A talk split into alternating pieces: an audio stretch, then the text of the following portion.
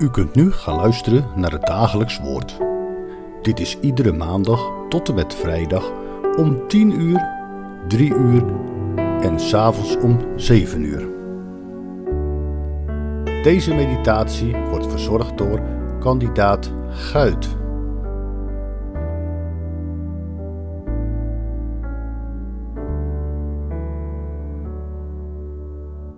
Op deze romantische dag, de 14e februari, meren wij aan op een iets minder romantisch plekje. We volgen de Heer Jezus op de voet door het Marcus-evangelie heen. En we zijn inmiddels bij het vijfde hoofdstuk aanbeland. En we lezen daarvan de eerste tien versen. En zij kwamen aan de overkant van de zee, in het land van de Gadarenen. En toen hij uit het schip gegaan was, kwam hem meteen uit de grafspelonken iemand met een onreine geest tegemoet. Hij hield in de grafspelonken verblijf en niemand kon hem binden, zelfs niet met ketenen. Hij was namelijk dikwijls met boeien en ketenen gebonden geweest, maar de ketenen waren door hem in stukken getrokken en de boeien verbrijzeld en niemand was in staat om hem in bedwang te houden. En hij was altijd, nacht en dag op de bergen en in de grafspelonken en hij schreeuwde en hij sloeg zichzelf met stenen. Toen hij nu Jezus uit de verte zag, snelde hij naar hem toe en aanbad hem.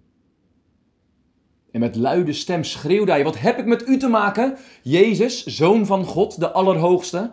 Ik bezweer u bij God dat u mij niet pijnigt. Want hij, dat is Jezus, had tegen hem gezegd: Onreine geest, Ga uit van deze man. En hij vroeg hem: Wat is uw naam? En hij antwoordde: Mijn naam is Legio, want we zijn met velen. En hij smeekte hem dringend dat hij hen niet naar het land uit zou sturen. Tot zover. Het preekje van vandaag is eigenlijk maar een half preekje. En dat is op bevel van de roostermaker. Ik moet het voor vandaag, gezien de afbakening van de verzen, houden bij het onderdeel ellende. Maar ik beloof u alvast, de verlossing en de dankbaarheid, die komen er ook aan. Want morgen hoopt dominee Alblas de volgende tien versen uit Marcus 5 te lezen. En dan gaat dit verhaal verder. Maar vandaag dus slechts het begin van deze geschiedenis. Vandaag slechts het onderdeel ellende. Letterlijk ellende.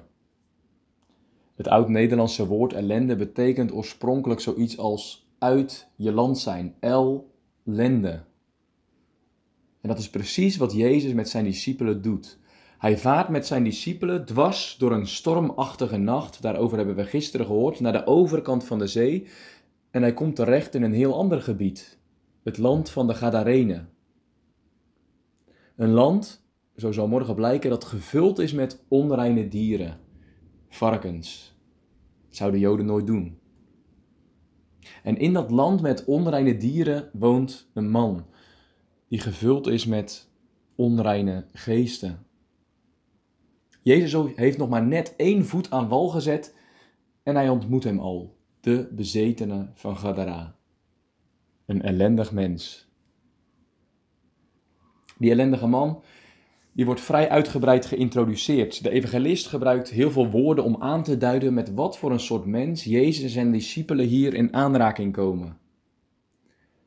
En wat Marcus vooral lijkt te benadrukken is de woonplaats van deze man. Drie keer staat er dat de man voortdurend verbleef in grafspelonken. Het was een man die de duisternis van het graf blijkbaar liever had dan het levenslicht. Een bezetene, die door niets en door niemand in bedwang gehouden kon worden. Een buurman van de dood. Nou, zo'n man kom je niet graag tegen, toch? Nou ja, als je de opkomst van Halloween in Nederland bekijkt, als je hoort over de horrorfilms die mensen gezien hebben, als je ziet wat voor nieuw themagebied de Efteling ontwikkelt, waarin de dood en waarin geesten centraal staan, dan valt dat nog enigszins te betwijfelen. Blijkbaar heeft zelfs de moderne mens een bepaalde fascinatie voor de dood, voor de geestelijke wereld. Hoeveel duivelse draden zou Satan geweven hebben door de jas van entertainment die de moderne mens zo graag aantrekt. Niettemin schildert Marcus een weinig fraai beeld. Deze uitgebreid geïntroduceerde bezetene is niet bepaald de ideale schoonzoon, niet bepaald iemand die je graag tegenkomt. Hoewel, er is er één die zulke mensen wel graag tegenkomt.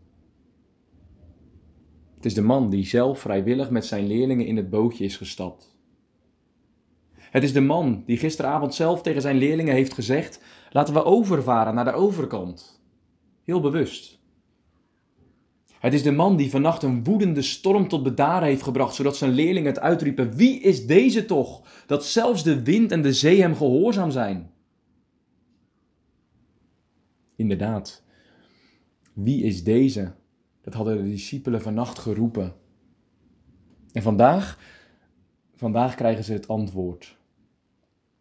Niet door een stevige categorisatieles, niet door een dichtgetimmerde leerdienst, maar door het onstuimige leven dat ze hebben gekregen sinds ze de Heer Jezus volgen.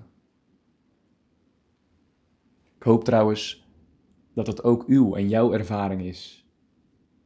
Dat je sinds je bent gaan wandelen in het licht met Jezus op hele bijzondere plekken terechtgekomen bent. Plekken die je zelf niet had uitgekozen. Een stormachtig meer.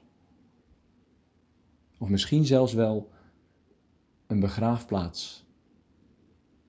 Nee, plekken die je nooit zelf had uitgekozen, maar wel plekken waar je veel meer van de Heer Jezus hebt geleerd dan je ooit uit een boekje had kunnen leren.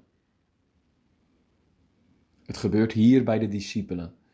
Ze zien zo'n vreemde snuiter op zich afkomen, een angstaanjagend type, een ellendige. En ineens roept die man het uit: Wat heb ik met u te maken, Jezus, zoon van God, de Allerhoogste?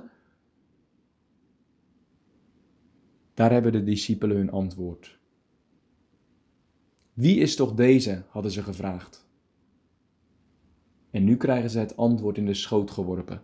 Deze is Jezus, de Zoon van God, de Allerhoogste. Deze is Jezus, de naam waarvoor de demonen sidderen, zo schrijft Jacobus. De naam die door deze woesteling wordt aangeroepen in een wanhopige vraag. Een vraag waarvan ik hoop dat u en jij hem allemaal eens zullen stellen in je leven. Wat heb ik met u te maken?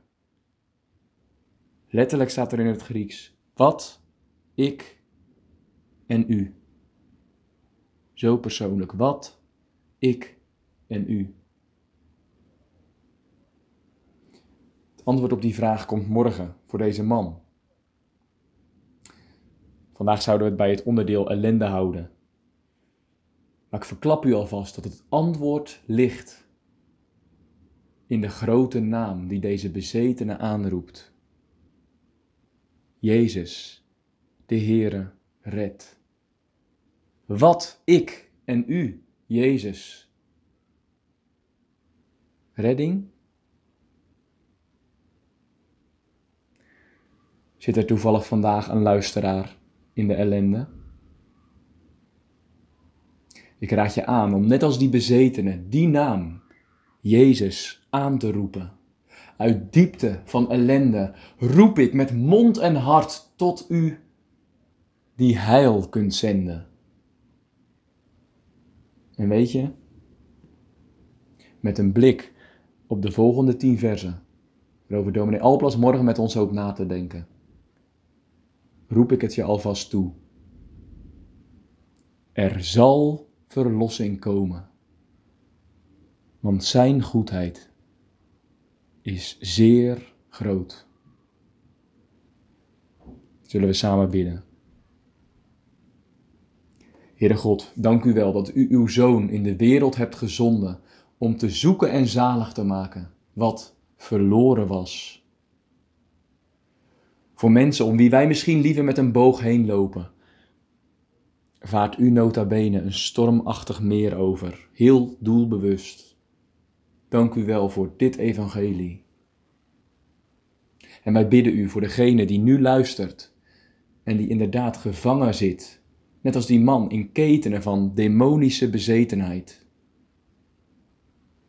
Wij bidden u, laat elke onreine geest uit hem of haar wijken in de machtige naam van Jezus Christus. Wij bidden u ook voor degene die nu luistert en die op welke manier dan ook moet zeggen, ja, ik zit ook in de ellende. Al is het misschien op een hele andere manier. Ook voor hem of haar bidden wij en we roepen met mond en hart tot u die heil kunt zenden, o God, aan schoudersmart. En wil naar de smeekstem horen en merkt u alstublieft de jammerklachten op. We bidden u, geef hoop. Geef een nieuw lied in de mond.